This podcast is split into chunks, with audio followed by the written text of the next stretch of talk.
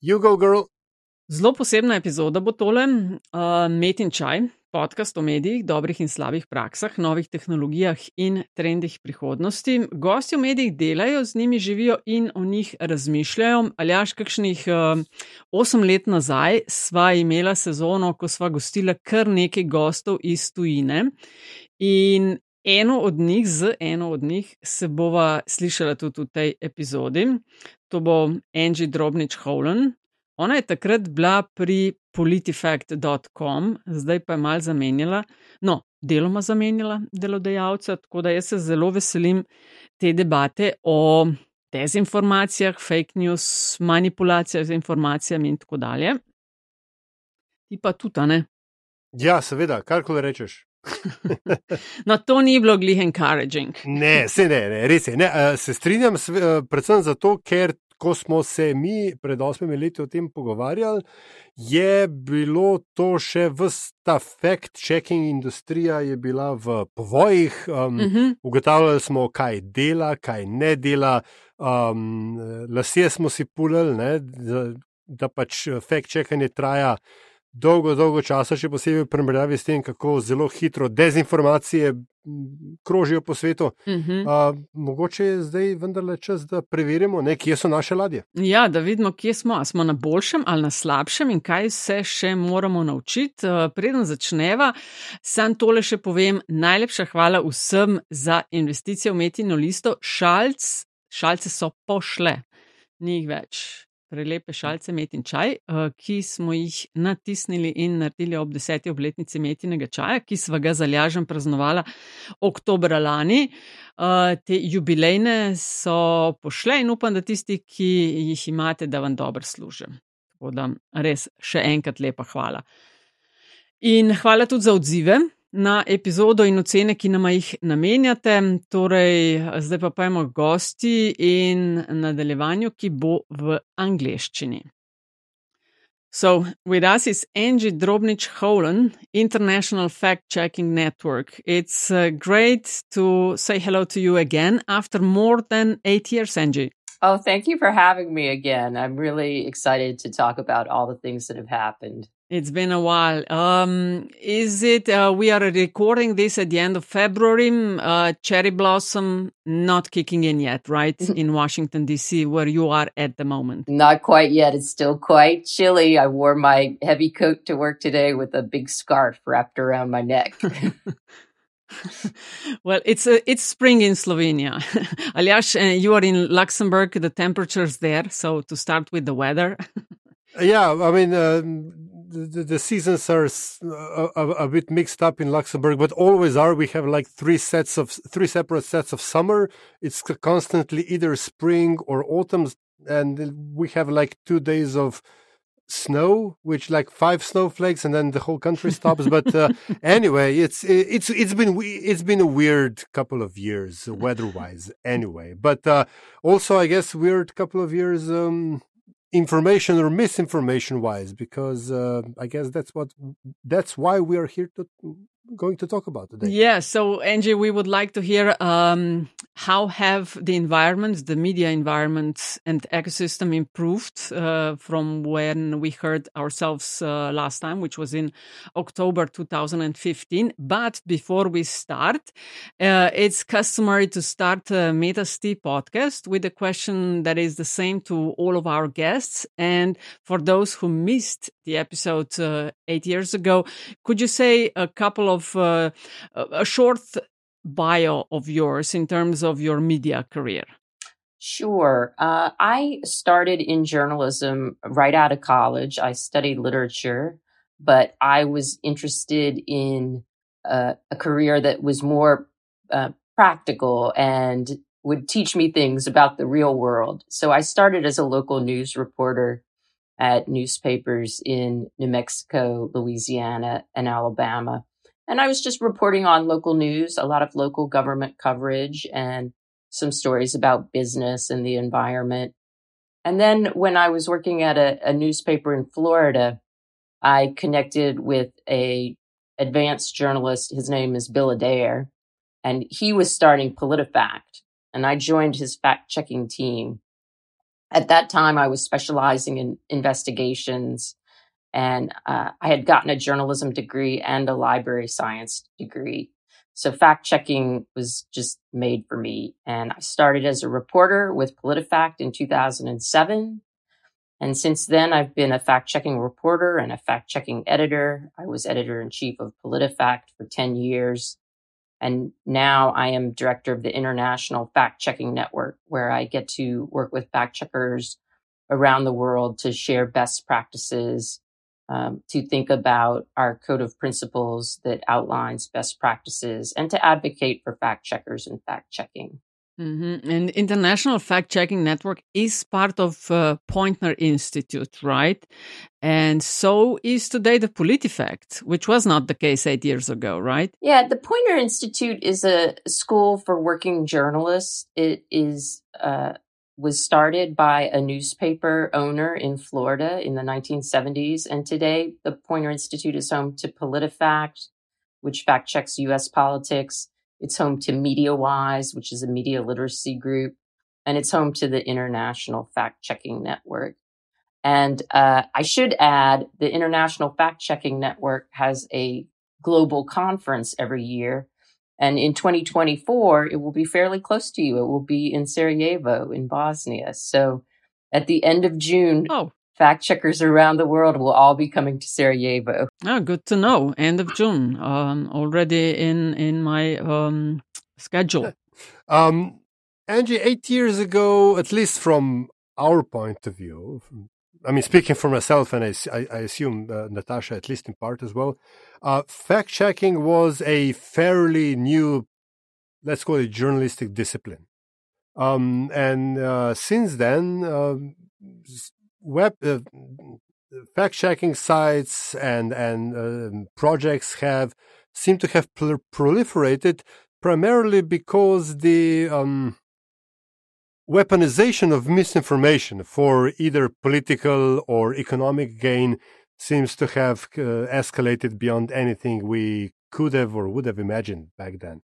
Um, has, or rather, have fact checking techniques followed suit, or rather, are they able to keep pace? Because if I remember our conversation correctly, we were sort of um, held up on that old um, adage by Winston Churchill, who said that the truth, uh, I mean, the, the, the lie uh, goes around the world like seven times while the truth is still putting on its pants. Has this ratio been reduced at all over the past, what, decade? That's such a great question. I think that we have seen the uh, robustness of fact checking techniques, the rigor of fact checking um, really get itself established. So when you hear a piece of information and you think, is this true or is this false? I think the fact checking community has developed some really good techniques for comparing claims to the evidence. And, and that's very positive. I think we still have challenges with what I would call distribution. So the way that fact checking chases a lie around the world is essentially like a distribution problem. Like, how do we get fact checked information in front of people who need to see it, who've been exposed to falsehoods?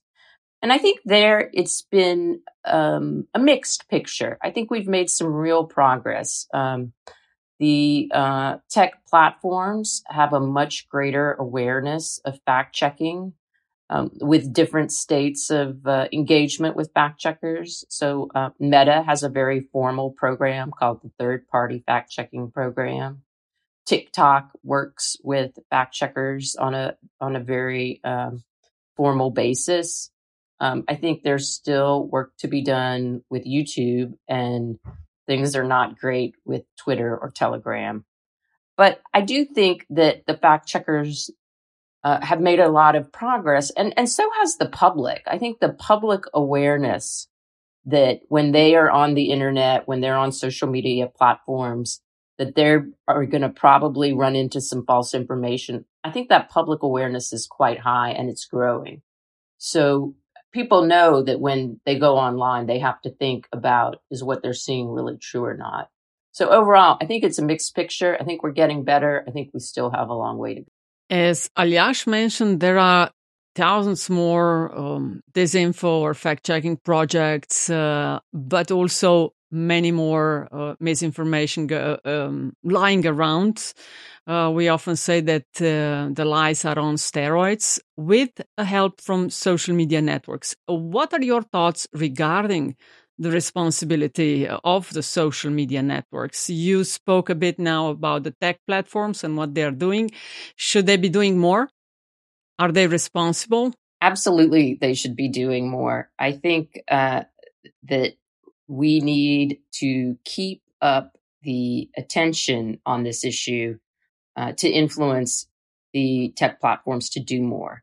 And with the international fact checking network, I'm really seeing things from a global perspective now. So it's interesting to see the way the different countries and cultures approach this issue. So in Europe, in the EU, there is some very formal regulation um, that I think is a positive development. They are planning to hold tech platforms accountable um, to uh, improve their practices. That's good.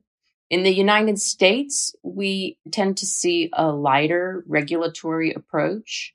Um, there tend to be more lawsuits than regulations in the United States, and we still see that uh, continuing. But there's a widespread awareness in the United States that the tech platforms need to take more responsibility for what they're doing. And interestingly, um, in a in a period in the U.S. when the two parties, the two political parties here, seem to hate each other, they do agree that they want the tech platforms to do more.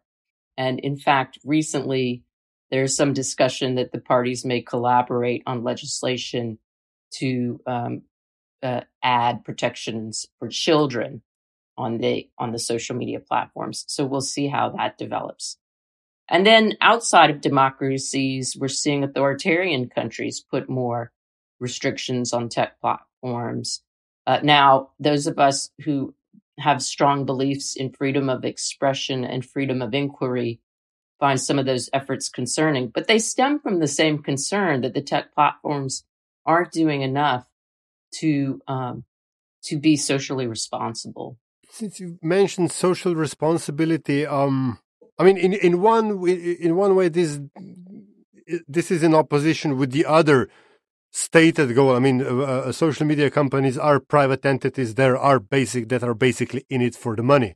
Uh, um, at some point, there was a bit of a talk of Twitter being, as they uh, quote unquote, uh, the, the, the town square of, of, of the internet but that died out if not sooner after after Elon Musk took over but um, is that any of that even feasible without more direct state or in case of the EU superstate uh, uh, intervention? I mean uh, if we were to develop this argument to its to its inevitable conclusion other than um, nationalized social media is there any way to um, regulate it yeah, I think the EU regulations are, are quite promising and they're really just starting out. So uh, before anyone should throw up their hands and say it's not working, I think it should be given more time uh, to see how it plays out. Um, the other thing that I see is um, increasing awareness among the public that uh, they are um, uh, they have a role in this process as well. I mean, I, am tempted to call the public the customers of the social media. Now that that's not a perfect analogy because a lot of times these social media's classic customers are, are advertisers and and the users, the everyday people who are scrolling through Facebook feeds or Instagram or Twitter, you know, they're they're not exactly customers. They're in some way, some people say they're the product which is an interesting way to look at it. But we do see that everyday people who use these social media platforms can vote with their feet to leave the platforms. And I, I think, I think if you look at Twitter as a sort of a case study, Twitter now called X, you see a lot of people voting with their feet when the, when Twitter and, and owner Elon Musk started dismantling some of their trust and safety programs uh, when there was a proliferation of misinformation on Twitter, you saw people stop using it. And I think it's pretty demonstrable that they have lost users and suffered as a result. So I do think that regulation uh, is still playing out. And I also think that for those of us who care about healthy, accurate information, we need to always be talking with the public about the, the power that they have. Now, are they at a disadvantage against big tech companies? Absolutely. But they do have a role to play in holding them accountable as well. You mentioned that as a director of the International Fact Checking Network, you have uh, an overview of the state of uh, disinformation and, and um, the efforts to curb uh, the spread of lies. Uh, could you talk a bit about um, your views so far? Uh, how does the disinformation landscape differ across countries and maybe also what strategies have been maybe effective in different cultural and political contexts if you have some examples at hand maybe yeah it's very interesting to see the the, the biggest differences that i see are um, which particular platforms are more popular so in some mm-hmm. countries mm-hmm. whatsapp is extremely popular in other countries, it's TikTok. And just to give you a few examples, TikTok is huge in the US right now. And a lot of fact checkers are putting out their own videos on TikTok um, that are basically kind of fact video fact checks. And they've had a lot of success there. On the other hand, um, TikTok is banned in India. So in, in India, you don't see it. Um, and there's still quite a bit of of um, Facebook in India, and a lot of the fact checking energy there is going into investigations on Facebook. Um, whereas in um, in Eastern Europe, Telegram is quite dominant, and um, that's a some of the fact checkers in Ukraine have focused on fact checking on Telegram and um, distributing their fact checks um, in that way.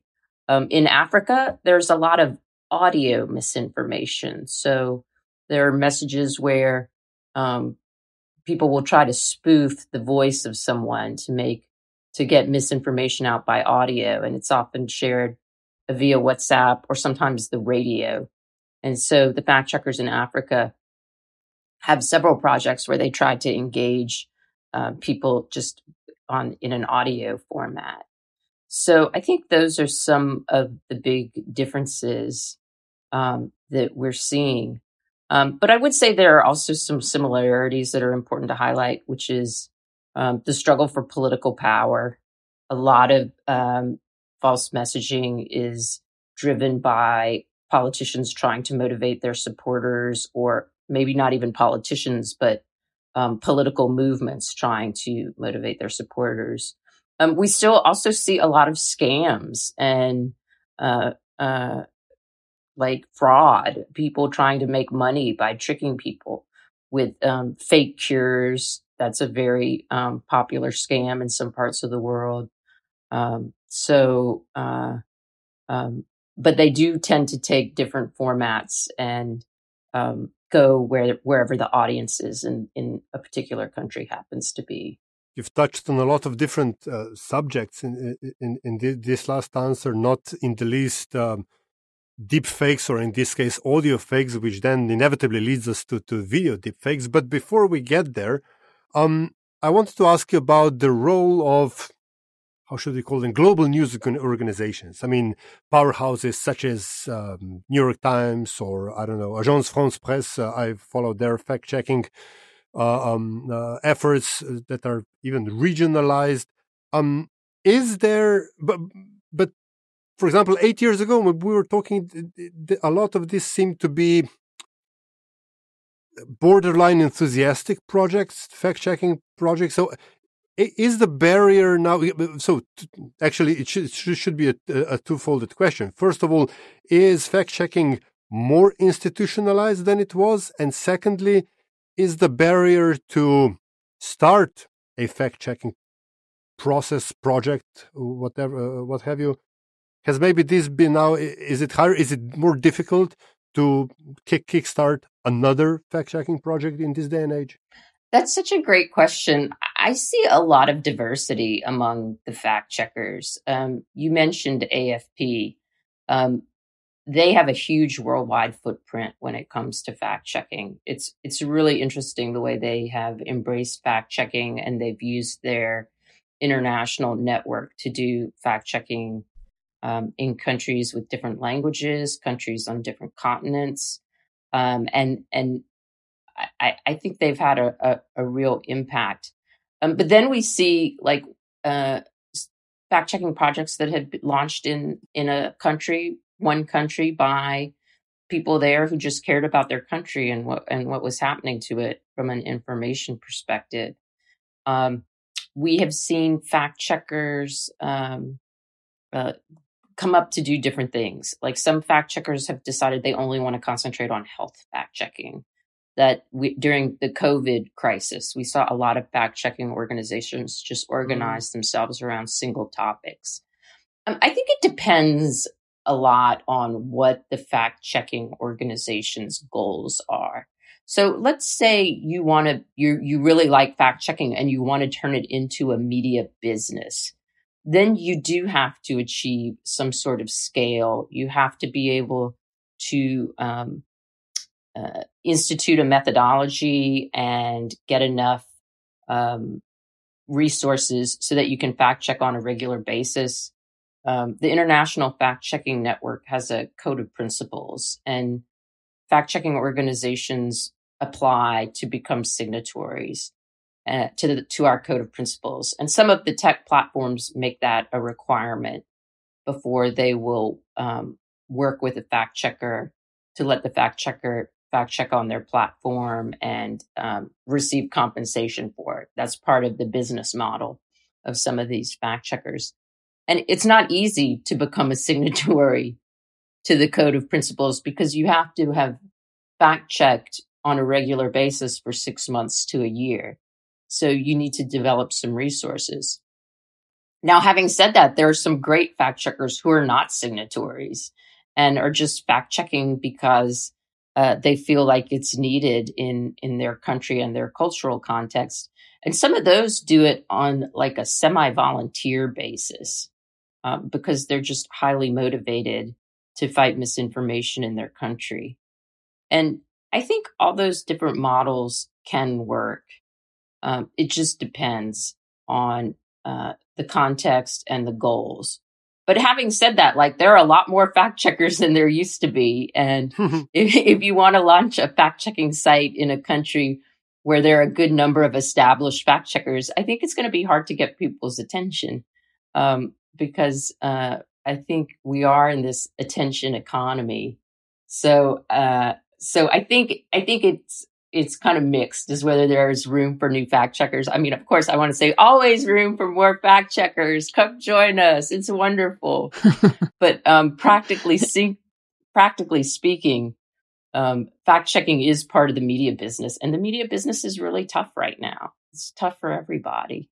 You mentioned that it's, there is a fight for the eyeballs of uh, the fact checks being done. Uh, would you say that's one of the most significant challenges nowadays when someone would want to start a fact checking, or even if he or she is in the business for many years?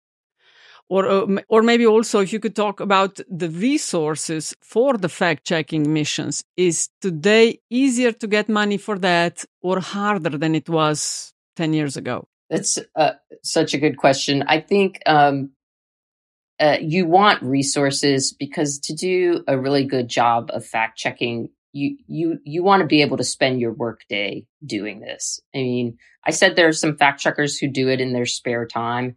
They are highly motivated. I don't think most people are going to be that motivated. So you, you want something sustainable so you can pay a few journalists a salary um, to to get them fact checking full time, and, and and and that can be challenging, um, although not impossible. And again, um, it, it depends on like if you're in a country where there are no fact checkers. Uh, if you have a track record in journalism and you know what you're doing and you're pretty savvy, I think you could start a new fact checking organization. But on the other hand, um, I, I think it can be tough to break to break into it if you're in a country where there are like five or six established fact checkers. Like that's the case um, in the United States and in and in Europe. There is a lot of fact checking right now. I mean, mm-hmm. the European network of fact checkers is probably the biggest regional network in the world right now. I mean, we count uh, more than 50 different fact checking organizations uh, in Europe that are part of the I, the International Fact Checking Network. I mean, it is very sizable. Um, so I think the the European region probably has has the most fact checking going on right now, and and it makes sense because um, I think uh, uh, the EU has put resources into fact checking through some of its grant programs and its regulatory system. And then you have the war in Ukraine. And uh, I, I think, uh, I, you know, I don't need to say like Russia as a country puts out a lot of misinformation. They've had a long track record of using misinformation to try to achieve political goals. So I think everyone in the region understands that there's a need for a lot of fact checking right now to counter some of those messages. Um, and to give people accurate information. The idea, like polit- when you talk about political fact checking, the idea is that fact checkers are just leveling the field for everyday people so that they're not confused by lies or conspiracy theories or falsehoods. Um, and when you when a person is living in an information environment where there where there are parties that are constantly trying to manipulate them, the fact checkers work is is is is huge. It's there. There's a lot of work to be done in those kinds of circumstances. That's assuming fact checkers can do their job uh, uh, in a any given uh, media environment. Uh, which brings me to my next question. Um, at first glance, it seems that a uh, a non-democratic, to put a very to paint with a very broad brushstroke, a non-democratic regime, a non-democratic environment would be, um, on one hand, a bigger would have a bigger uh, use for misinformation and yet would be easier to fact check versus a um, slightly chaotic uh, democratic environment with a million different voices which you know may not be completely uh, disingenuous but they maybe they they just have a slightly different take on things. I mean where where is the difference between opinion propaganda, misinformation, it seems a bit fuzzy. Yeah, I think it if we're honest, we will admit yes, it can be fuzzy. I mean, there's uh there is the extreme of hoaxes and conspiracy theories, things that can be proved to be demonstrably false. And then on the other end, there's political persuasion and, you know, leaving out the facts that are inconvenient. Now, are you lying? Maybe not. But uh, I've seen fact checking work range across this spectrum. So uh, I do think that fact checkers need to be cautious about what they fact check and make sure that they're being very clear um, with their methods. Now, in the years that I've been fact checking, I have to say, I think we have gone, um, unfortunately, we've gone from the world of like political spin persuasion, you know, uh, um, you know, distorting your opponent's views just to gain a little political advantage. I mean, we've gone from from that, which is, you know, I think kind of a normal state of affairs, but to seeing just so much more hoax content, to seeing so many more conspiracy theories. And when I started fact checking the hoaxes and the conspiracy theories, were confined to the internet and you didn't see legitimate politicians or political candidates repeating these hoaxes and conspiracy theories. That's not the case anymore. It's not the case in the United States. Um, Donald Trump repeats conspiracy theories on a regular basis. So does some of uh, the other candidates who um, who support Trump, and and that's very different. That's very different. And I'm told that this is being repeated in other countries, that this is not just unique to the United States. We've seen more politicians, um, especially politicians who um, who are uh, more authoritarian in their taste and outlook um, use conspiracy theories and hoaxes to get their supporters in a state of agitation. A lot of it hinges on the emotions of fear and anger. And so I think um, there's a lot of there's a lot more extreme content that needs to be fact checked right now. I mean, in, in that sense, things are getting worse, not better.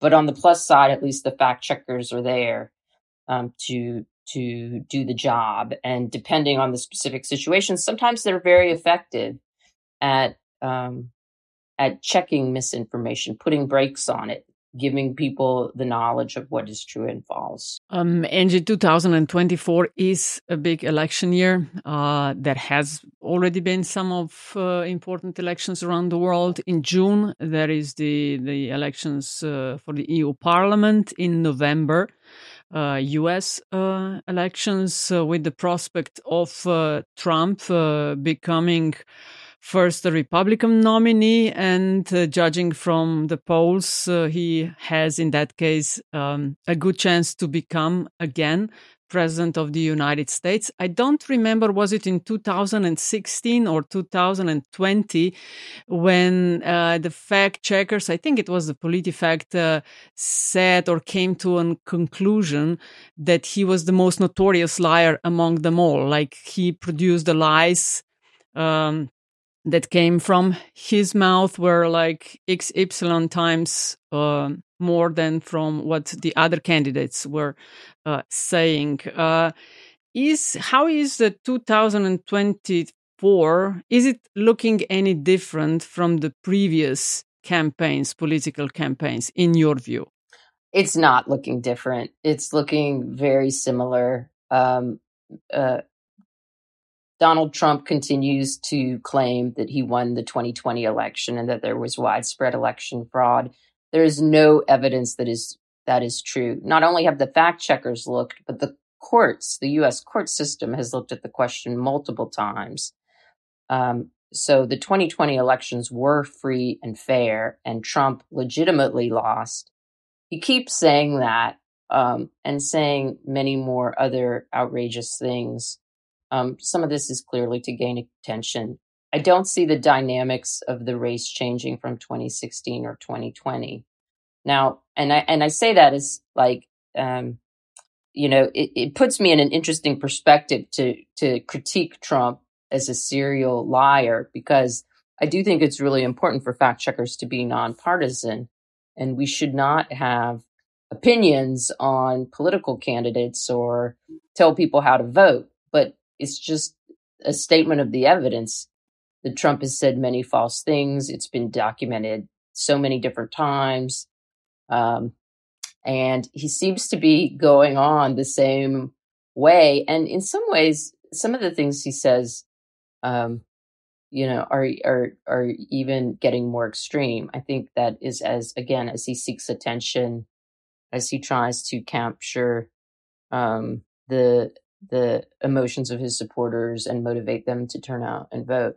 And how it turns out, we don't know. You know, in 2016, Trump won the election. In 2020, he lost.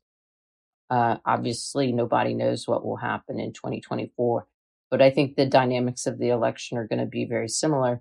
And there's a lot of polling evidence that shows the public in the United States is not happy about this. Um, they want some mm-hmm. different choices. But I, I, right now, seems like a replay. Now, could things happen between February and November when the and isn't that something to think about? It's February. Voting isn't until November. Um, things could change, but right now it looks like a replay of 2020. Uh, well, I'm sure Donald Trump would have said that uh, he is good for fact checking business.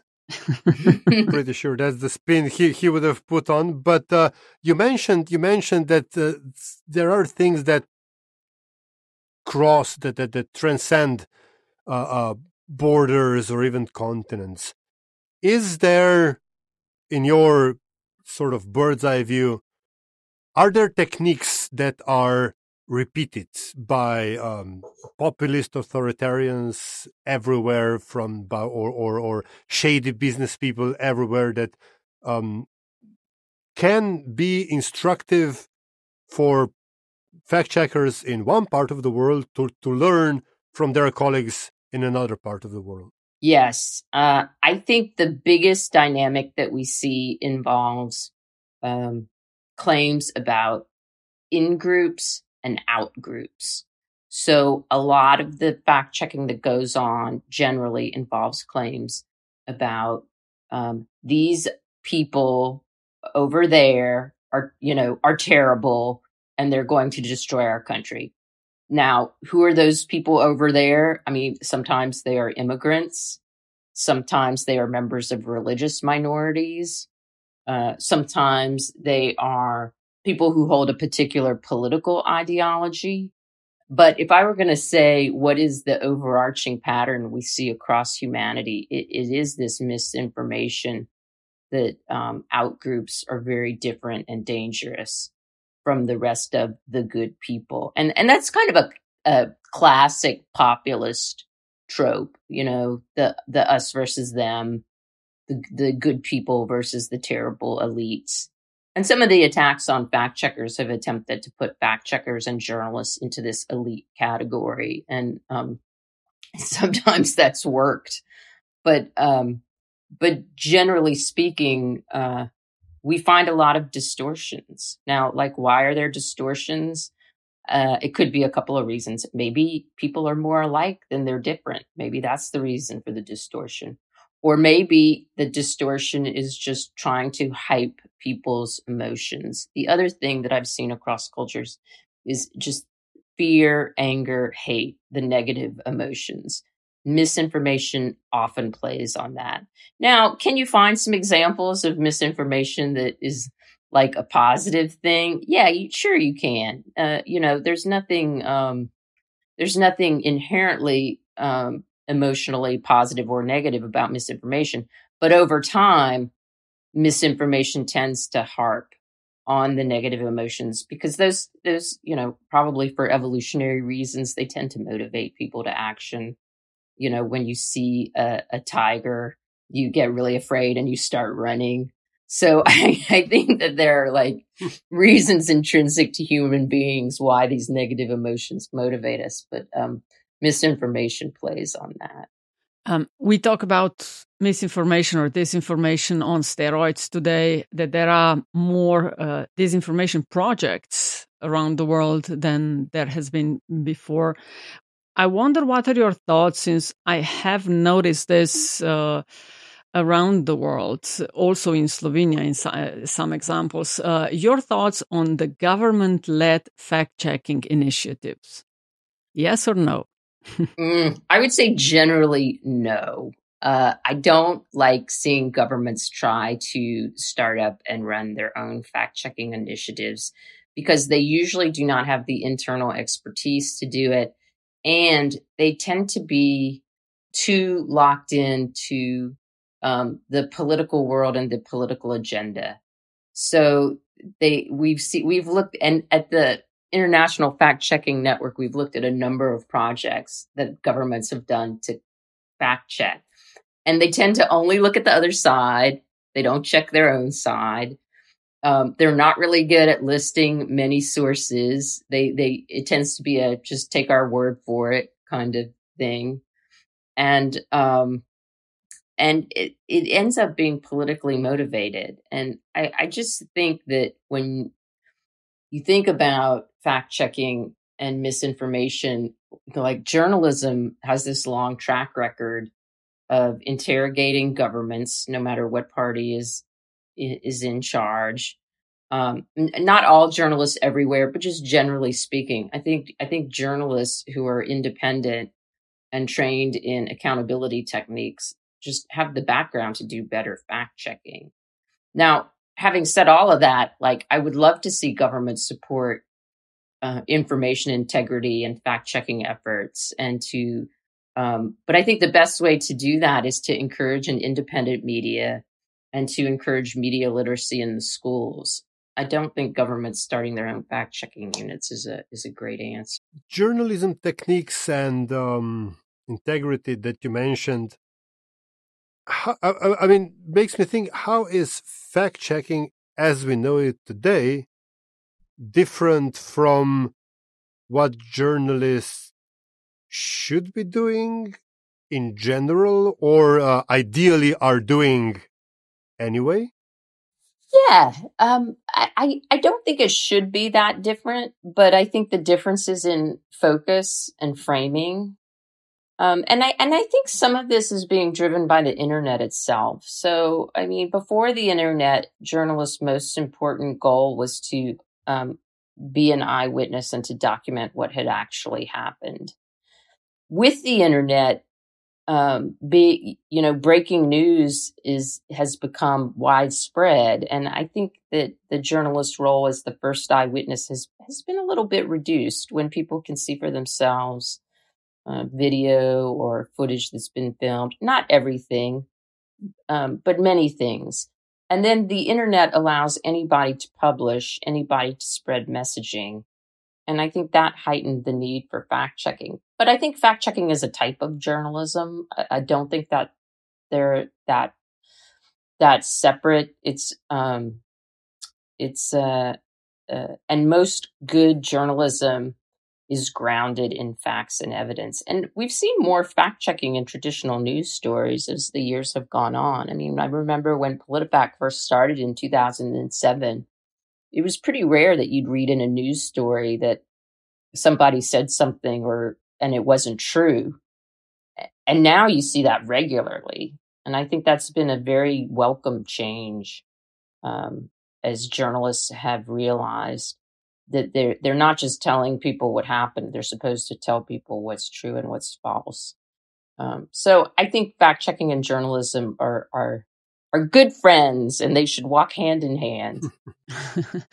Since OpenAI launched uh, ChatGPT, I think it was in November or December 2022, uh, there's been a lot of talk of the possibilities of what the AI or, or with the help of AI, what can be done. I wonder uh, how are, in your view, uh, or in your experience rather, uh, how are the technological advances being used in the fact checking process and uh, what potential do you see uh, they hold uh, for the future?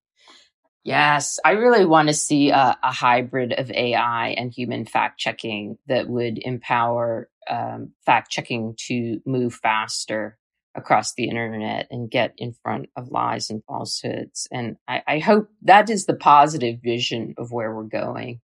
Um, I think a lot of fact checkers um, are becoming more engaged with AI and studying it. There are a few fact checkers that are quite advanced already that have been looking at um, automated fact checking techniques, and AI is a very natural next step for them.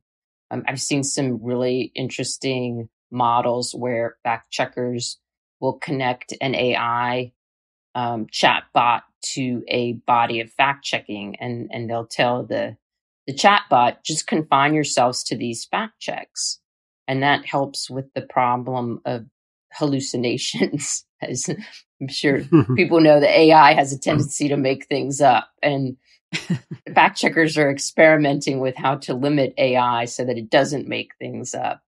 Uh, I think that's really exciting. Um, I, you know, I started I started off pretty pessimistic about AI, and I still have a lot of worries and concerns, but I'm also seeing fact checkers engage these tools in a way that makes me a little bit more optimistic that these tools can be used to help improve the information environment. Although I think 2024, uh, with all these elections, it's going to be a big test. Um, we'll see how quickly our um, media environment can respond to AI um, because I do think AI makes it easier. If you want to be a misinformer, if you want to try and trick people, AI is a tool in your toolkit that's gonna that may make things easier for you. I hope that the fact based uh, world can respond to that. For whom is fact checking intended, or rather, who are the quote unquote customers if you will, of, of, of fact checkers. Because to give an example at random, if uh, followers of Donald Trump will literally eat up everything he says, there is no amount of fact checking that will that will make them change their mind. If Elon Musk's boy uh, fanboys will uh, uh, um, prey on every, his every word, his every move, his every funding secured. There is literally no amount of fact checking that that will change their mind from the position that he is the you know next incarnation of I don't know whom. Um, but to whom is then fact checking addressed? I mean, is there a s- silent majority that is undecided? Is there are we preaching to the choir, so to speak? There is something of a of a a quiet majority. I wouldn't call them silent, but they are quiet. They're they're not as loud as the as the fanboys and the uh, but there are uh, there's a significant amount of people who go on the internet and they just want to find reliable accurate information to help them make decisions about their everyday life or about how to vote and i think that fact checkers are writing for these people i think we're also writing for the people who believe that it's important um, for decisions to be made on a on a basis of reality I mean, I, I, think we all probably know someone who is so captivated by a particular ideology or worldview that they're kind of living in their own world. Um, but I think most of us believe that reality will catch up with us eventually. And if we keep making poor decisions based on false information, that bad things will happen. So for those of us who think that, I think fact checkers are very helpful to, to that community. And I think you see this even even in spaces where there's a lot of political polarization and things are very contested. I, I do think that that facts ultimately have an edge on lies um, because people know that they have to live in a real world with real consequences. Reading various articles and uh, analysis, uh, you can read that the respect for journalists is diminishing. It is the case in Slovenia, mm. judging from the statistics, and uh, I don't think it's much different around the world. Uh, the trust in the media is waning. Uh, why do you think we are where we are, and what to do uh, so the numbers won't be so bad? It, that's a very tough question. Although, when I think about it, um, journalists' trust started waning um, after trust in other institutions started. So um, I, I don't, this is something that puzzles me, and I would love to read more about it uh, from people, you know, people who've really considered it. But this widespread loss of trust in institutions like government, schools, um, police, and journalists. I mean, journalists are one in a, a long line. Um, it just seems like there's less social trust generally and it plays out differently in the different communities. Now, having said all of that, like why it's happened, I think we still, those of us who work in journalism and media, uh, we need to seriously engage with people and try to rebuild trust in the media. And I see some, uh, some good things emerging. Like I think some of the trust was lost because a lot of times journalists would be like, they wouldn't explain their methods or explain how they knew things. They just say, "Oh, it's it's true because we say so," or "It's false because mm-hmm. we say so." And one of the things about fact checking is that you're really attempting to give people the evidence. You're bringing the receipts, as we say. Um, you you lay out mm-hmm. the evidence. I mean, that's why. I mean, I think in some ways, like really, the heart of fact checking is not the yes, it's true or no, it's false but the sourcing and the evidence that anybody can examine for themselves. So I think we need to communicate more as journalists about that sort of thing. And then having said that, I think um, part of the role of journalists is going to be unpopular because you're often highlighting highlighting societal problems or issues. I mean, I, I think um, I think that journalists can't expect to be beloved, but I do think it could be better than it is now because I, have I've told this story to journalism students when I was much younger and just starting out in journalism. and my mom, my mother's friends would say, Oh, what are you going to do after college? And I'd say, Well, I'm doing journalism. And they'd say, Oh, how interesting. What an interesting way to look at the world. That's great. Good for you. And now they're like, "Oh, you're a journalist." Uh, you know, like I mean, some, exactly. Sometimes they like they they they like you must be part of the liberal media. Um, you know, you must be against all good conservative people. Um, sometimes they're like, "Oh, that's a controversial job." Sometimes they're like, "Oh, I feel sorry for you. That's a really hard job." Um, I liked the reaction I got earlier in my career, and um, maybe, maybe, we'll get back to that. But it re- it really is. Um, we really are in a moment with this new internet technology. I think some of the tensions come from this this this technology that really is still so new. I believe as a society we haven't worked out the methods and practices we need to establish trust on the internet I think we're working on that, but it could take decades. It's a long term society wide process. I do hope we'll get to a point where there is more trust in the media, but we're not there right now. It used to be that you had to have um, another background, or rather, I don't know, say background in, in economics to do good business or financial journalism, background in the health industry to do health journalism, etc., etc., international relations for foreign policy journalism. Um, ideally, not necessarily. and and now, if I understand you correctly, um, fact checking, at least the basics of fact checking, should be part of any um, journalistic basic training. So, what are the other um, basic uh, abilities, basic basic knowledge that a somebody embarking on a serious journalistic career, although this may be a contradiction in terms in 2024, but still, um, what are the, the, the, the prerequisite knowledge that one needs to consider a career in journalism or fact checking journalism specifically? Yeah, I think you have to read widely across several fields. So I think you need to read about government, about economics, about healthcare. I think good fact checkers have a wide range of interests. And, and then I mentioned reading. I still think reading is our best method for gaining information. So I would encourage new fact checkers to concentrate on how much they read, how perceptive they are when they read. You have to be able to um, take in large amounts of information and understand it and synthesize it to be a good fact checker. And I, I worry with the advent of electronic media that new journalists are using their ability to like pick up a 100 page report and read it with con- concentration and perception and understand what it says I mean, I think those are those are all key skills. And then again, just trying to develop as much contextual knowledge about the world as you can.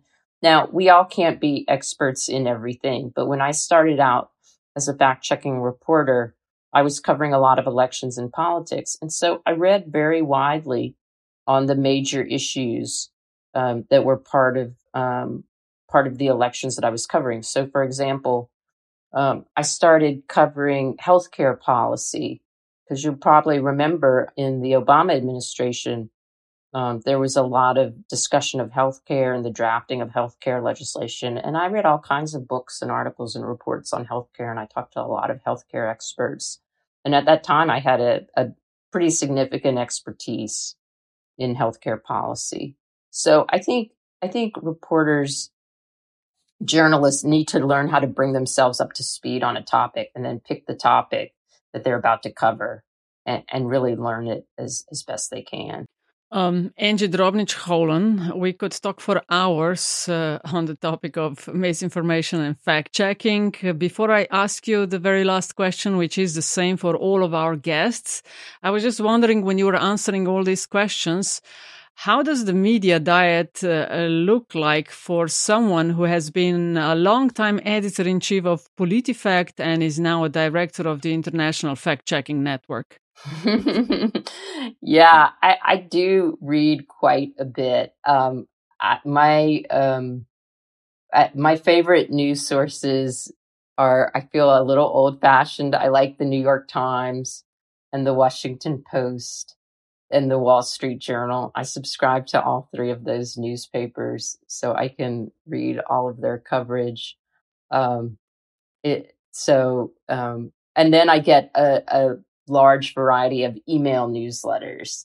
So um, and there's some newsletters that I read about misinformation and and fact checking um, that that I like. Um, the International Fact Checking Network has a newsletter called Factually that you can Google if you'd like to subscribe to my newsletter. Um, I also rely on the other fact checkers in our global network to bring news to my attention. I mean, having a really good global news habit, I I can find to be it can be challenging because like you have to read in your own language, and even though there's a lot of English language media, like it's not always like like I don't always find that that the big American newspapers have all the coverage that I want to read about um, things going on, especially in places like Africa, um, or or even India, which is um, a huge country. So I do look to my network to help me keep informed on that. And then I listen to some politics podcasts. Those I tend to be. I listen to misinformation podcasts, or I listen to U.S. politics podcast. That's a little bit for fun. And then there's a TV show in the United States called the PBS News Hour that I like quite a lot. And they do a good bit of international coverage. And I I, will usually watch that most nights. And um, they do a great job. So um, I do feel like I am chronically um, underread. I always wish I had a little bit more time to read at night before I go to sleep but but that's that's kind of my media consumption.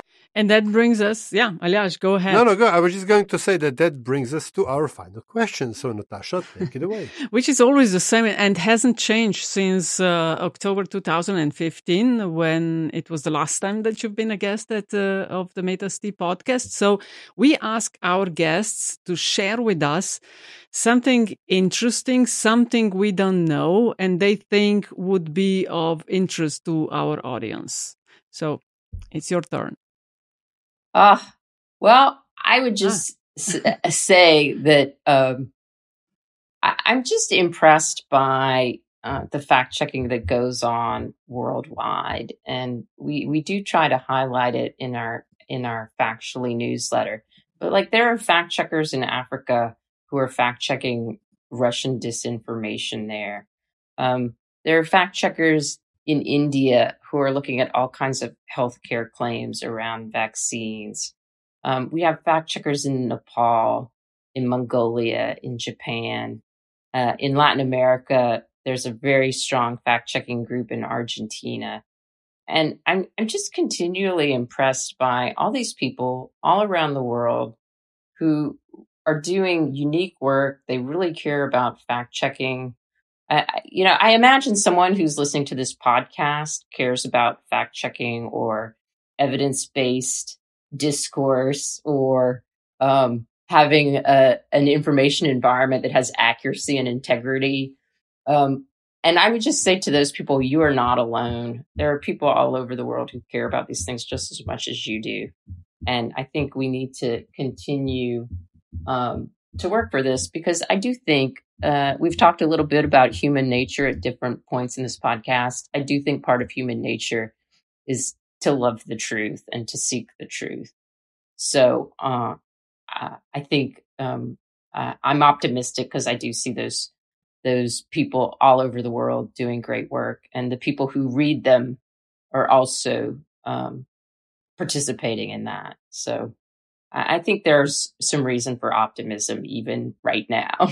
Thank you very much. Uh, it's been a privilege to host you again at the Metin Čaj podcast. And thanks for sharing uh, your thoughts and your knowledge and your experience uh, with us. We'll attach the links to, of course, International Fact Checking Network. If anyone is thinking of uh, maybe joining your network, you would be able to see what are the criteria to join. And I'll also Google for the uh, the world's largest fact checking summit, which will happen, as you mentioned at the beginning of a podcast, in Sarajevo in June. So thank you very much again for being our guest. Thank you for having me. I really enjoyed our conversation. This was fun.